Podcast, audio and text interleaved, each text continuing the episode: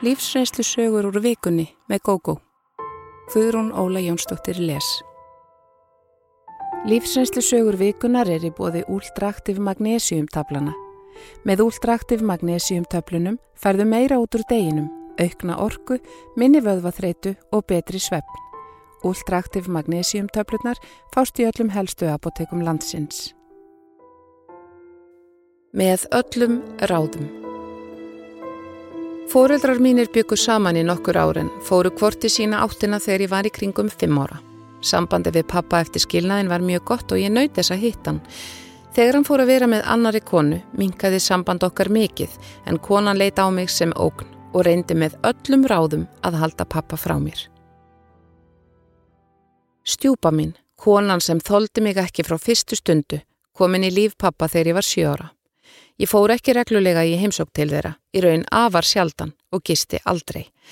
Ef ég var hjá þeim og pappi skrapp út í búð án þess að ég tæki eftir því, sagði hún alltaf eitthvað anstíkilegt við mig þegar ég spurði hver hann væri. Ég tók þetta mjög nærri mér, ég var ekki vön svona viðmóti og ég var lengi vel virkilega hrætt við þetta. Einu sinni heyrði pappi í henni þegar hún reytti einhverju ljótu í mig og varð alveg brjálaður, spurði hvað þetta ætti að þýða, hann vildi ekki heyra svona rugl, aldrei framar. Þetta lagaðist þó ekkert. Edda gætti þess bara enn betur að hann heyrði aldrei í henni. Þegar hann var heima, yrt hún ekki á mig. Ekkert þýtti að reyna að kvarta yfir þessari andstikilegu framkomu. Mamma var lengst að vissum að ég væri bara afbreyðisum út í nýju konuna. Ég hlakkaði mikið til að eignast nýtt sískinni þegar Edda varð ófrískan. Þegar hálfbróður minn kom í heiminn, mátti ég valla koma nálagt honum. Edda gætti þess að veriðum aldrei náinn. Það var svo sem ekki mikil hætta á því þar sem ég hætti nánast alfarið að heimsækja þau eftir að ég varð úlingur. Ég kaus að fara í vinnuna til pappa og við fórum þá kannski saman á kaffihús eða hann kerði mig heim og við gáttum spjalla saman á leiðinni. Ég gifti mig og eignaðist tvö börn með skömmumillibili. Edda mætti með pappa í brúðköpu mitt, eflaust til neitt, en let ekki sjá sig í skýrnarvislum barnana. Pappi mætti einn, ekki einu sinni með hálfbróður minn þá á úlingsaldri en sá hafði ekki mikinn áhuga á samskiptum við mig á þessum tíma. Það átti þó eftir að breytast halsvert á næstu árum og okkur fóra líka ágætlega hvort við annað. Samband mitt við pappa var alltaf gott, í rauninni alveg frábært þótt að væri stópult. Hann talaði sjaldan um ettu við mig en gerði sér án Eva fullkomlega grein fyrir því að hún var ástæða þess hvað sjaldan við hittumst og aldrei á heimili pappa. Það var eins og þögult samkominlag okkar á milli að tala sem minnstum hana. Þegar pappi varð fymtugur hjælt hann flotta veislu í sal út í bæ og þanga mætti ég auðvitað með manninu mínum. En okkur var ekki bóðið þegar Edda hjælt upp á sitt fymtugsamali tveimur árum setna. Ég veit ekki einu snið hvort ég hefði mætt hótt pappi hefði pínt hana til að bjóða mér. Ég vissi að ég væri ekki velkomin og því hefði mig ekki langað að fara.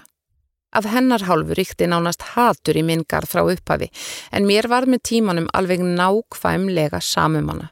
Það tók mig samt nokkuð tíma að hætta að fyrirlítana fyrir framkomi hennar í mingar þegar ég var bara bann. Ég vildi ekki eigða orgu í að bera neikvæðar tilfinningar til hennar eða nokkur sannars. Pappi veiktist alvarlega þegar hann var rúmlega 60. Hann fór fyrst á sjúkrahús þar sem ég heimsótti hann mjög oft rátt fyrir augljósa anduð ettu á því. Nokkrum vikum setna fór hann heim og láð þar lengi. Hann held að sín síðasta stund færið að renna upp og bað mjög um að vera döglega við að koma í heimsókn. Ég samþykti það enda hreyfði etta engum mótmælum við því. Hún notaði bara aðrar aðferðir. Í fyrsta skipti sem ég ringdi í pappa til að aðtuga hvernig honum liði og hvort ég ætti að koma í heimsókn, svaraði hún og sagði að hann væri sofandi. Hún var svo kuldaleg að símin nánast hrímaði. Hún mælti ekki með því að ég kæmi og vektan þegar hann ætti að sofa og sapna kröftum. Svona gekkið til nokkrar vikur. Sennilega var ég ofrætt við ettu til að mæta bara á staðinu og ótaðist líka að hún segði satt, að hann svæfi og ekki vildi ég trublan. Ég varð smám saman, mjög áhyggjufull. Hálfbróður minn bjóði í Danmörku og við spjöldluðum stundum saman í gegnum Facebook. Ég viðraði áhyggjur mínar við hann en hann sagði að ég gæti verið róleg. Pappa liði betur með hverjum deginum. Hann talaði oft við bæði hann og ettu. Eitt daginn byrtist pappi kom óvænt í heimsókn, saðist ekki geta verið mínútur lengur í rúminu og hefði orðið að komast út. Honum liði talsvert betur og þyrti ekki að vera rúmlíkjandi. Ég varð heiminn glöð að sjá hann og saðist að var hringt um það bila annan hver dag en alltaf hist þannig á að hann væri sofandi og því hefði etta svarað í síman. Pappi varður ynglaður og svip og sagði að það geti valla verið. Hann hefði ekki hýrt af því. Svo sagðan, eins og í gríni, að hann væri farin að halda að etta feldi fyrir honum síman sem var í grunnsamlega oft og lengi í hlæðslu fjari honum. Svo lóan og kvatti mig eindreiði til að ringja áfram. Þetta væri alveg rétt, hann hefði sennilega bara verið sofandi. Etta væri eins og strángast í hjúgrunarfræðingur, hún passaði svo vel upp á hann. Hann ætlaði að hlaða síman á náttborðinu hérðan í frá. Hann gæti haft hann á silent þegar hann svæfi. Svo katt hann fljótlega og dreif sig heim. Ég held áfram að ringja og pappi svaraði um það byl annarkvert skipti.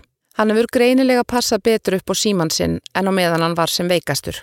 Hann kom líka í heimsókn annars slæðið en myndist aldrei á það aftur að þetta fæli mögulega síman fyrir honum eða annað í þeim dúr.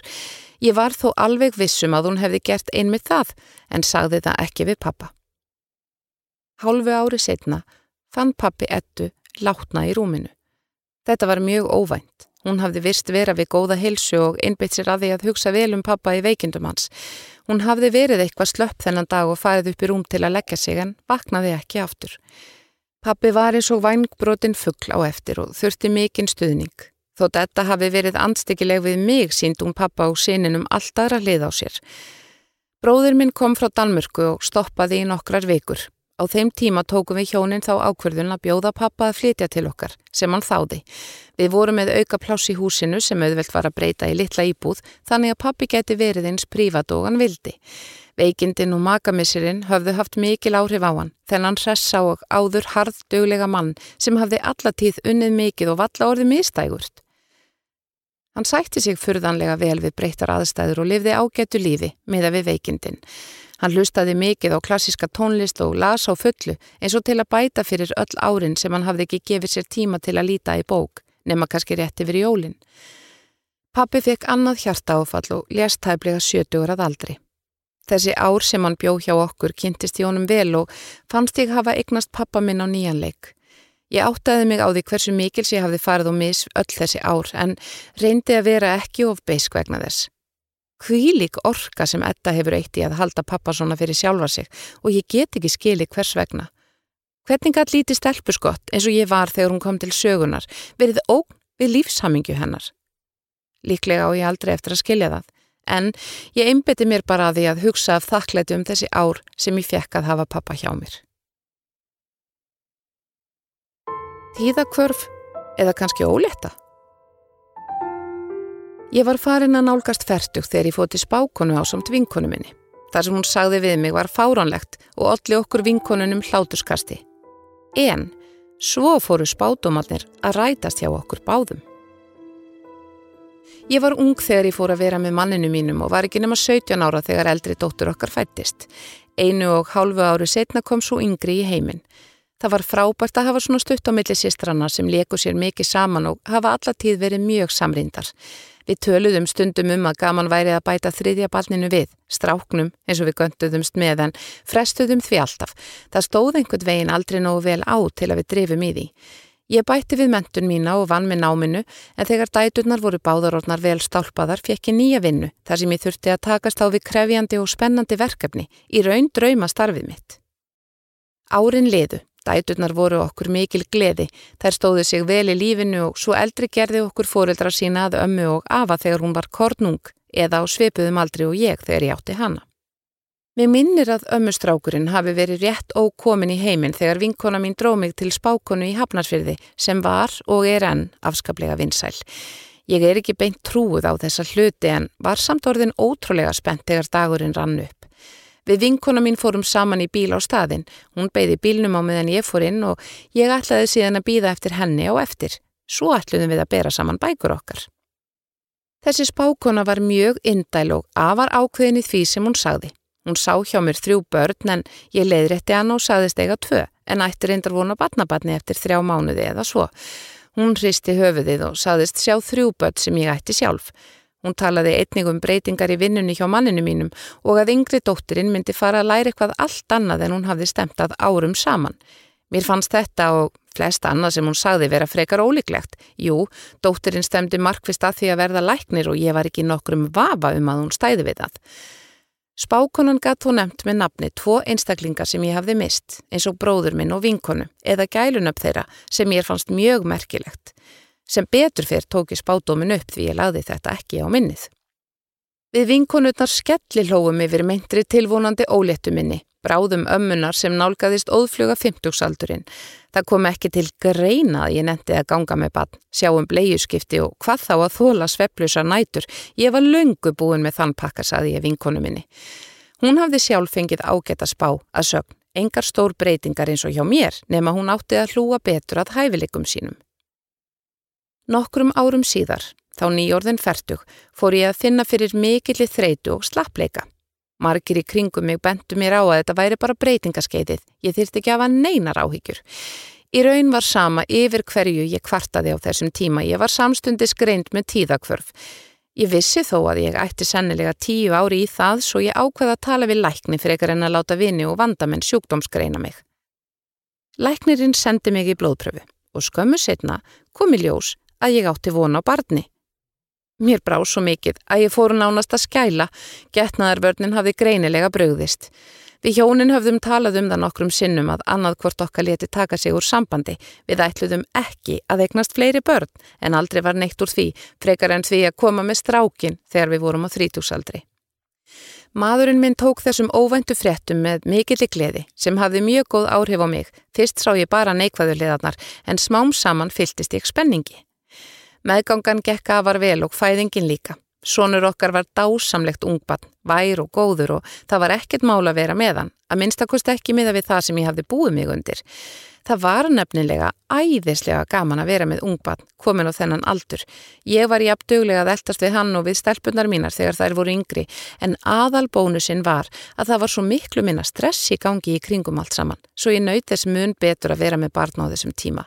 Ég var miklu örugari með mig á allan hátt, bæði andlega og fjárhagslega. Ég var búin að stenglima öllu sem spákonan hafði sagt en vinkona mín myndi allt í hennu eftir þessu með þriðja badnið, ekki löngu eftir að sonurinn kom í heiminn. Við byluðumst úr látri, við hefðum átt að gera meira grína spátumnum. Ég gerði síðan dauðalita spólunni sem ég fann fyrir rest. Ég hafði mert hana vel og síðan sett í drasslskúfu í þvóttahúsinu og vann í körfu með ýmsu smádóti. Þar sem ég hafði ekki rekist á hana í nokkur ár hafði ég glemt tilveru hennar og ekki tekið skúfuna í gegn reynilega lengi. Sem betur fyrir átti ég gammal tæki sem var í senn útvarp, geislaspilari og kassettutæki og hlustaði á spóluna. Það var afskaplega áhugavert. Það hafði svo sem ekki allt ræst hjá spákonunni en samt heil margt. Yngri dótturinn heitlaðist af öðru fæi í háskólanum og skipti yfir í það. Jú, og manninu mínum var bóðið annað starf eins og spákonan sagði en hann ákvaði eftir nokkra umhugsun að hafna því. Ég held að hann hafi stundum séð eftir því en það starf hafði í för með sér mikil ferðalög sem hugnaðist honum ekki. Hann er svo mikil fjölskyldumadur og miklar fjárvistir frá heimilinu henduðu þar sem heimakæra manni ekki. Vissuleg hafði hann gaman af því að ferðast en þá með fjölskyldunni eða mér einni. Ég kvart hann samt til að taka þetta starf, hærri laun og eflust skemmtilegra en það gamla en hann var ekki nógu áhuga samur og auðvitaðstutti ég hann í þeirri ákverðun. Það var aftur á móti magnað sem gerðist hjá vinkonu minni eftir spátuminn um að hún ætti að hlúa betur að hæfileikum sínum en hann ítti mikið við henni þótt að hafi kannski verið ómeðvitað. Það var eiginlega ekki fyrir en við vissum að þetta hafði ræst hjá mér sem hún fór að rifja þetta upp. Það hafði einhvern veginn allt leikið í höndunum á henni, handavinna, myndlist og annað slíkt í skólanum þar sem við kynntumst og ég hefði haldið að hún færi út á listabrautina. Þar sem ég vissi ekki var að hann hafði alltaf dreymt um að skrifa og eftir kvartninguna settist hún niður og skrifaði bók. Hún fekk útgefanda og bókin sem er alveg frábær, hlaut fínar viðtökur. Hún er ekki hægt að skrifa og ég vonaði að sjá miklu meira frá henni. Vinkona mín er ekki lítið trúari á spátuma en ég en samt náði þetta á sinnhátt að kveiki henn og komin af stað. Hún segist vera þakklátt þessari spákonu Og þótt hún hefði kannski einhvern veginn drifið sig að skrifa án kvartningarennar vill hún meina að þetta hafi þó að minnstakosti flýtt fyrir því að hún létt gamlan draum verða að veruleika. Froskurinn sem breytist í prins Eftir skilnað við eiginmann minn til 15 ára kynntist ég manni sem ég var mjög hrifin af En fyrir reynsla var sennilega til þess að nýja sambandi stóð ekki lengi. Sá maður var vissulega ljúfur en það vantaði hann alla drift og dugnað. Laungu setna hittumst við og þá hafði orðið algjör viðsnúningur á lífi hans, vægast sagt. Ég var áður gift indislegu manni en hjónabandi stóð aðeins í 15 ár. Geiri var gáfaður og skemmtilegur en honum fannst sífelt betra að fá sér í glasum helgar, þar til það varð fastur vani. Það ringdu svo sem engar viðvörunarbjöllur hjá mér því hann var ekki slæmur með víni, frekar í gagstæða. Ég sá ekki óveður skíin sem hrönnuðust upp síðustu ár hjónabandsins, svo rólega gerðist þetta og hann alltaf sami ljúflingurinn. Honum fór að haldast illa á vinnu en fann alltaf góðar ástæður fyrir því þegar hann hætti í fússi eða var ekinn. Það var auðvitað allt öðrum að kenna. Ég hafði aldrei haft ástæðu til að reyngja neitt sem hann sagði og setti þetta ekki samband við aukna drikju hans sem var þó aðeins farin að valda mér áhyggjum þótt ég vissi ekki lengi vel að var algjörlega komin úr böndunum. Eitt var að fá sér í glasum helgar, annað var að drekka á virkumdögum eins og hann var farin að gera, alveg sama þótt hann væri í vinnu eða ekki. Þó fannst mér ástandið ekki það slæmt að hann þyrsti að fara í meðferð. Ég sá þó hvað fjárhagur okkar þrengtist en ég vissi ekki lengi vel að Geiri kifti miklu meira vín en ég tók eftir. Ég var sjálfi góðu og vel borguðu starfi og það kom sér oft ágætlega að Geiri væri heima, til dæmis ef annars hvort sonur okkar veiktist og gæti ekki farið í skólan. Mamma leti oft undir með okkur varðandi pössun en drengjunum leið alltaf best heima hjá mér eða Geira. Að lokum áttaði ég mig á því sem var í gangi. Geiri var þó farin að stefna velferð fjölskyldunar í hættu. Við vorum alltaf skýt blöng þótt laun mín hefði alveg átt að duga fyrir nöðsinjum. Geiri held sig mikið út í bílskur þar sem hann var mikill áhuga maður um smíðar og hafði gaman af því að smíða hillur og sitt af hverju fyrir heimilið.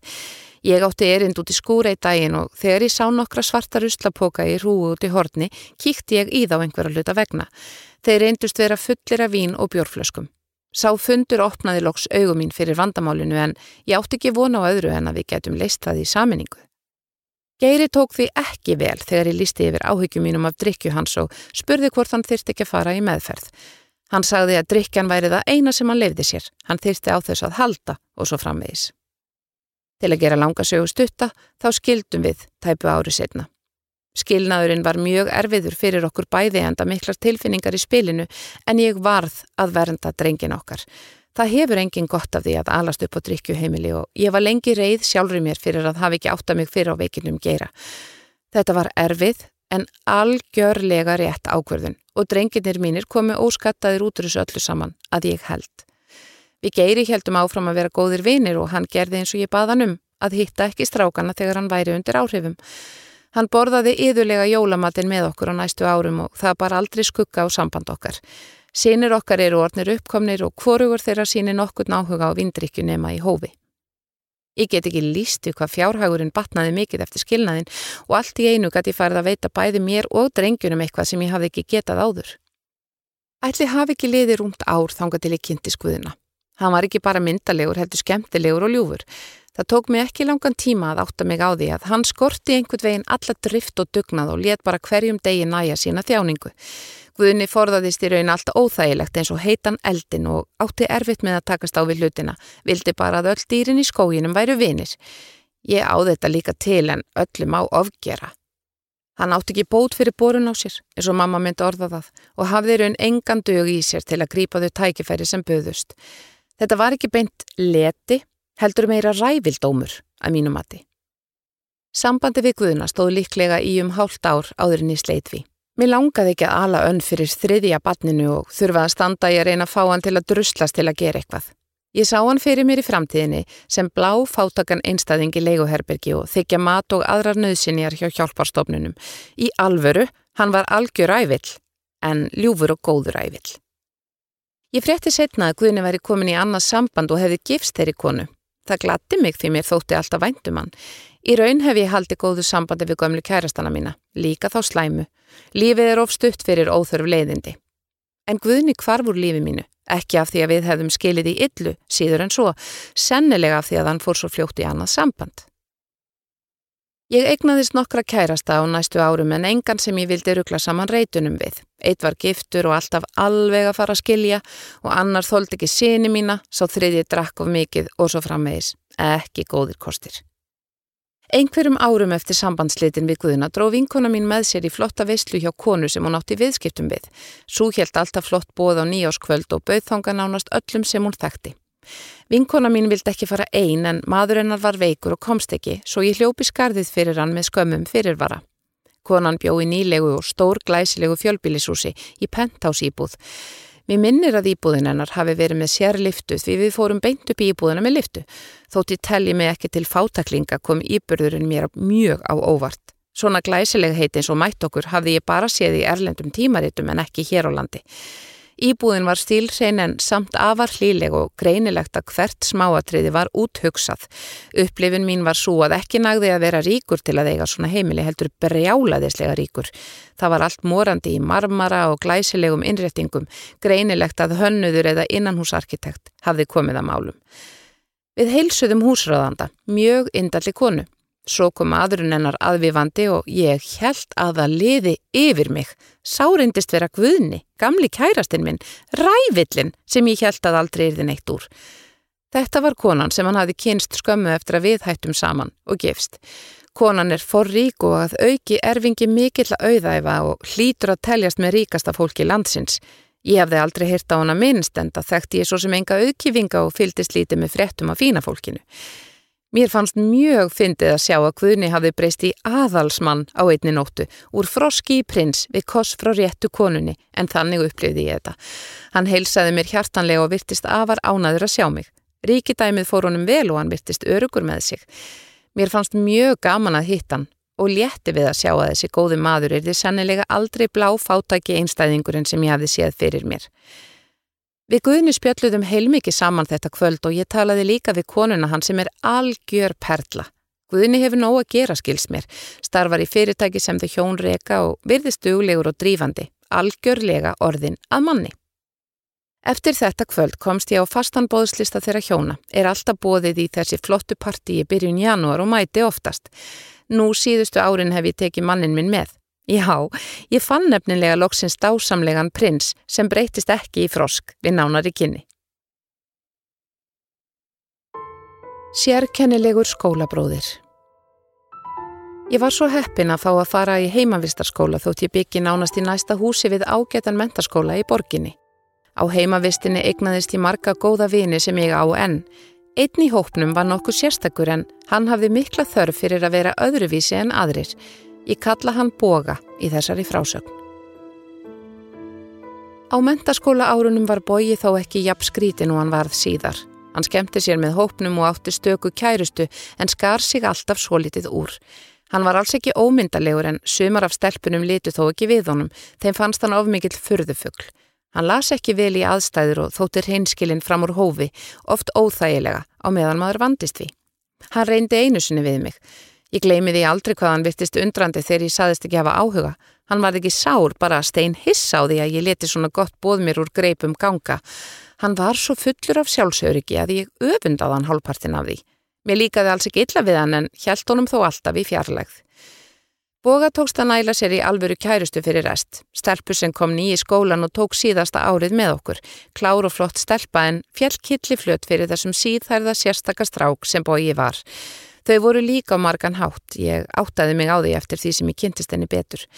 Þau bói heldur sér mikið útaf fyrir sig sem orsakaði sennilega að kærastan varð aldrei almennilega hluti af hópnum. Við heldum mörg hver góður sambandi eftir stútenspróf og hittum slíka reglulega á skólamótum. Ég fór aftur heim til Reykjavíkur og í draumanámið í háskólanum. Fyrstu árin djammaði ég talsvert um helgar og rakst stundum á boga og konunans. Þau voru búin að veiknast batn og virtust yfir sig hamingisum. Engu tíma var konan hans vel drukkin og vildi endilega fara á trúno við mig. Ég er ekki sjálflega hrifin af slíku og hef aldrei verið en satt þó nokkuð þólumóð yfir henn á meðan hún létt móðan mása. Það ringdi einhverjum viðvörunarbjallum hjá mér hversu mikið hún talaði um hamingu þeirra hjóna og hversu frábær bói væri. Hvert var hún að reyna að sannfæra?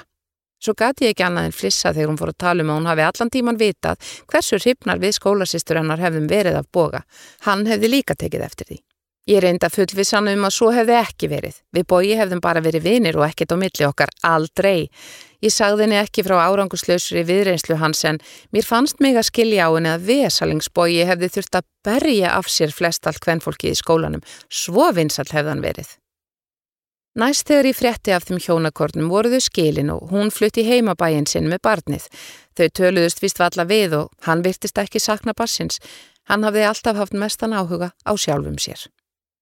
Í millitíðinni hafði þó vinkona mín sem átti barn á sama leikskóla og barn boga var á tala mikið um skrítna pappan sem kom stöku sinnu með barnið sitt og í fyrstu skiptin hafði hann ekkert farasnið sínt á sér. Hann komst þó ekki upp með það. Leikskólakennararnir fóruð að kveðjan af ákveðni, sögðu að hann yrði að fara þegar barnið væri mætt. Annars hefði hann sennilega sest upp á þau. Mér fannst þetta rillilega fyndið og enn fyndnara þegar ég áttaði mig á því að um boga var að ræða. Dæmi gert fyrir markaleysi hans. Boga tókst að komast yfir húsbíl einhverjum árum eftir skilnaðin. Ég frétt hann hafi ekki verið sérlega vinsat leiandi en einhver staðar var þann að búa. Útlit hans var ekki tröstfeikjandi, úvinn, skítugur og skeggjaður greinilega ekki mikið fyrir að fara í bað og snirta sig. Svo gekk hann mjög illa um og eftir vanskilum langa hlýð hunskaðist hann loks út, þreif ekki og skildi eftir fullt af drastli og dóti. Vesalingsleigusalarnir hans en frændans umkaði sig yfir hann og hjálpaði honum að kaupa gamlan húsbíl og þar hefur bói búið síðan, eftir því sem ég best veit. Umgengni hans lagaðist vist með árunum. Kanski gata hann ekki lifa með sjálfum sér í óreiðu og fniki svona litlu rými. Skólabróður okkar leitt dýrðina augum og sagði að það hefði bara verið fínt í húsbílum. Ekkert okkar hafði minnstu áhugir af honum. Hann hafði sjálfur valið sér þetta líf og virtist sátur við frelsi sem húsbíl gaf honum. Hann heimsótti allavega tvo gamla vini úr mentó sem byggu út á landi og þeir sátu uppi með hann. Annar sá þólimóðari í nokkrar vikur. Bóið þáði þar matrikk og samveru þar til hann lagði í næstu ferð á húsbílum. Það var enginn sérstakur auðfúsu gestur en samúð fólks með honum var greinilega yfirsterkari þörfinni fyrir að losna við hann en það er bóið ósköpljúfur náangi. Hann hefur mikinn áhuga á gardrækt en enga mentun í því. Samt gaf hann sig út fyrir um tíma að vera fagmaður á því sviði. Hann ógum og fekk fyrirtæki til að kaupa af sér vinnu við að til dæmislá gras og snirta lóðir þeirra. Ég vann hjá stóru fyrirtæki og eitt daginn, sennilega 15 árum eftir að við bóji útskrifiðumst saman, byrtist hann þar og bauð fram krafta sína. Hann komi svo kallaður, það vantaði einmitt einhver til að sinna gardinum. Bóji gerði sig ansi heimakomin, lagði húsbílnum á bílastæðinu fyrir framann húsið og mætti í matsalinni í öllu matar og kaffetímum. Verkið átti að taka kannski tvo eða þrjá daga og hann hafði samið um fríkt fæði ofan á launin. Það var svo fyndið að sjá hann hlamma sér á stól við borðið hjá yfirmönnunum og yfirtaka allar samræður. Hann talaði mjög hátt að auki, líka í síman og það fór ekki á milli mála ef hann var á staðnum. Margir brostu í kampin og flestum fannst hann skondin týpa. Hann þekkti mig greinilega ekki og ég veit eiginlega ekki af hverju ég kynnti mig fyrir honum í hádeginu daginn eftir að hann kom. Þá áttaði hann sig og virtist ánaður með að sjá mig. Hann vildi ólmur sína mér húsbílinn sinn og með hálfum huga fyldi ég honum út á bílaplanið.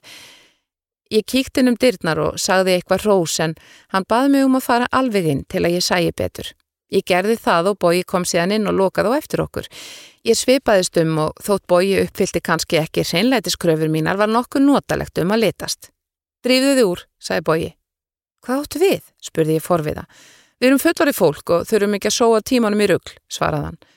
Ég var að springa á niðurbæltum látri. Ég þekkt hann nógu vel til að vita að hann myndi aldrei beita ofbeldi.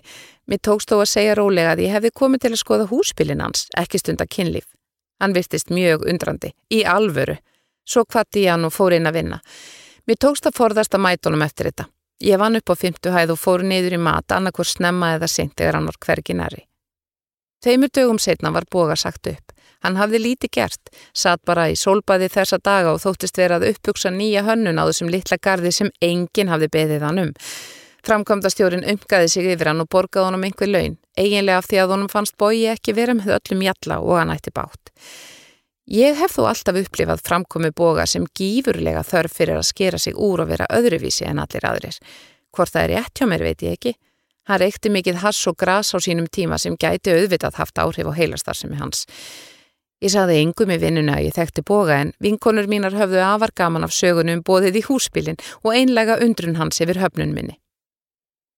Við skólasískinnin reynum að hittast á fimm ára fresti en bói mætir aldrei. Hann berst stundum í tal, einhver spyr frétt af honum og annar veit eitthvað, þannig getur maður fylst með honum og fleiri skólasískinum sem kom ekki. Á síðasta skólamóti frétti ég að húsbíl boga hafi haldist saman vegna þess að befílavirkin okkur, algjör góðmenni, gerir við hann án þess að þykja greiðslu fyrir. Bói verðist lifa því lífi sem hann vill og er sagður harð ánaður með það. Hann keirir bílinn vist ekki mikið núorðið en hefur hann við húsið hjá öðru góðmenni, frændanum sem aðstóðaði hann við að eignast hann á sínum tíma. Hann býr í bílnum en frændin sér til þess að bóji svelti ekki. Bói vinnur nánast ekkert lengur en launar frændanum að því að rækta kartöblur og grænmiti á lóðinni. Hann er lægin við gardirkju, þrátt fyrir klúðrið um árið. Hefði gamli framkvæmdastjórin minn beðið þann um að gera kartöblu eða matjustagarðir í vissum að Bói hefði skila góðu verki. Ég vona bara að Bói sé á einhverjum bótum svo frændin þurfi ekki að halda honum uppi. Þið fullkomna hjónaband Ég hef verið giftvísvar og skildi í bæði skiptin eftir að hafa gefist upp á eiginmönnunum. Ég er kannski ekki mest í mannþekjar í heimi en ég taldi eitt örugt í þessum heimi og það væri hitt fullkomna hjónaband kunningafólks míns. Báðir eiginmenn mínir voru ágættis menn, gjör ólíkir og höfðu sína kosti og galla eins og aðrir. Ég egnaðist tvö börn með skömmu millibili með fyrir manninum og þessi börn hafa veitt okkur fóruldrunum mikla gleði. Nýlega var ég amma sem er þótti frá upphafi magnað hlutverk og eiginlega miklu skemmtilegra en að verða móðir.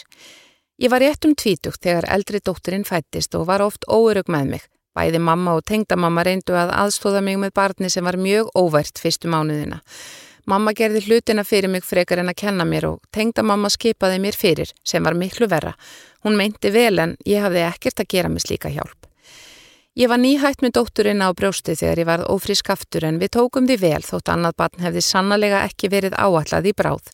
Yngra batnið, einnig dóttir, var miklu værara sem gerði hlutina auðveldari. Ég var líka komin með reynslu og forðaðist að leita ráða hjá ömmunum, sérstaklega tengdamömmu sem fjasaði mikið um þessar ungu konur sem fengju allt upp í hendurnar nú til dags. Vissulega hafði hún þurft að þræla og púla í sveitinni og fóruldrum sínum en líf ungs fólks á þessum tíma var sannlega ekki bara dans og rósum. Maðurinn minn var reyndar í góðri vinnu sem bjargaði okkur alveg. Hann var nokkuð eldri en ég og hafði komið sér ágætlega fyrir þegar við kynntumst. Við keiftum okkur fínustu íbúð nokkru áður en eldri dótturinn kom í heiminn og gátum ekki stækka við okkur þótt annað bat bættist við. Stelpunnar voru saman í herbergi og það gekk ljómandi vel. Maðurinn minn vann langan vinnudag en virti ekki minn enn lengri vinnudag. Ég var bara heima að hans mati og hafði það gott. Hann var ekta kallremba sem fannst ekki rétt að kallar kemur nálagt húsverkum eða batna uppeldi. Hann gerði sér að leika að gera allt svo illa ef mér tókst að fá hann til einhvers að ég vildi frekar gera hlutina sjálf. Ég vissi þetta vel en nefndi ekki að gera neitt í því. Það hefði kosta bæði þrás og fílu sem ég þóldi ekki. Hann var góður við dætur okkar en nefndi ekki vera með þær þegar þær voru erfiðar. Við skildum eftir tíu ára hjónaband, í sátt og samlindi. Ástinn var löngu horfin og einu tilfinningarnar sem voru eftir hjá okkur voru vináta og samiðilega ást á dætrum okkar. Þótt hann væri bara átt árum eldri en ég fannst mér hann vera vallt annari kynsluð en ég. Það liður nokkur ár þar til ég kynntist setni eiginmanni mínum. Hann var svo ólíkur þeim fyrri að ég ákvæmi sjálfur mér að við hlitum því að eiga engar vel saman. Hann var hláturmildur, romantískur og með sömu stjórnmálaskoðanir og ég. Mér fannst ég heiminn höndum hafa tekið. Hann var líka góður kokkur og hafði mjög gaman af því að búa til framandi rétti. Reyndar var hann óhemju sparsamur sem ég fannst krútlegt í fyrstu og fannst líklegt að ég geti vanið hann af þeim gallamett fyrir til dæmis að borga fyrir okkur bæði ef við fórum á veitingastadi eða kaffihús. En hann var bara ánaður með að sleppa við að borga sjálfur svo ekki dögði svo aðferð. Hann vildi ólmur giftast. Ég var meira hikandi en dætur mínar, komnar á úlingsaldur, voru sipnar af honum og kvöttu mig óspart til að taka bónorðinu. Hann hafði sett þar inn í málinn. Ég samþekti það fyrir rest. Við letum púsa okkur saman hjá síslumanni og fórum fjögur saman, við og stelpunnar, út að borða á Hotel Holti. Hann borgaði í þetta skiptið, enda hans hugmynd að borða þarna. Hann hafði þráða lengi en ekki tímt við fyrir en þarna. Allt gekk ágætlega lengi vel. Hann var með mun meiri mentun en ég og ég fekk svolítið ofta að finna fyrir því að honum fannst hann vita svo miklu meira en ég. Það var reyndar ekki rétt. Ég var mun betur lesin en hann og fylgist betur með frettum en hann, en kunni vissulega ekki jafnmörg fræðiheiti og hann. Saman vorum við ósigrandi teimi í öllum spurningaleikjum. Hann var vissulega hláturmildur en smám saman komst ég að því að hann bjó ekki yfir mikill í kýmningáfu. Ég þurfti að útskýra brandara mína fyrir honum og hætti með tímanum að nenn að útskýra nokkuð ef ég skelltu upp úr yfir einhverju fyndnum í bíómynd og hann skildi ekki baun. Romantíkans var með tímanum leiðigjötn og klísjukjent. Hún fólst helst í því að kveikja á kertum og borða nánast í myrkri ef við vorum bara tvö, kissast út á götu og ringja og trubla mig í vinnunni. Ég var farin að byggja símastúlkunum að segja að ég væri á fundi ef hann ringdi og hafði svo samband við hann þegar róaðist. Hann átti nefnilega aldrei neitt erindin um að segja eitthvað sætt við mig. Það hendar ekki alltaf vel að fá slík samtöl og bólakafi í vinnu. Ég var yfirmaður og fannst ekki góð fyrirmynd fyrir undirmenn mín að ég hengi í símanum að tala um eitthvað romantist. Ég reyndi að tala um þetta við hann en hann var bara sár. Hann hafði þörf fyrir að heyra í mig nokkru sinnum á dag en hugsaði ekki út í það hvort ég hefði sömu þörf. Ég hallaðist sífelt meira að því að hann væri ástfangnari af ástinni en mér og fann stundum eins og hann væri seinlega að leika hlutverkins krútlega og ómótstæðilega manns. Níska hans var líka eðilegjandi fyrir sambandið. Við veittum okkur fátt og borguðum jamt í mat. Ég sá reyndar alveg um fatnað og annað fyrir dæturnar á móti mínum fyrverandi og íbúðin var sérregn mín sem ég borgaði einn af. Sennilega samþygt hann að borga helmingin í mat því hann bjó frítt inn á mér. Ég skil ekki hvernig ég þóldi mánaðalegt uppgjör hans þar sem hann ímist rukkaði mig eða endurgreiti mér og það upp á krónu.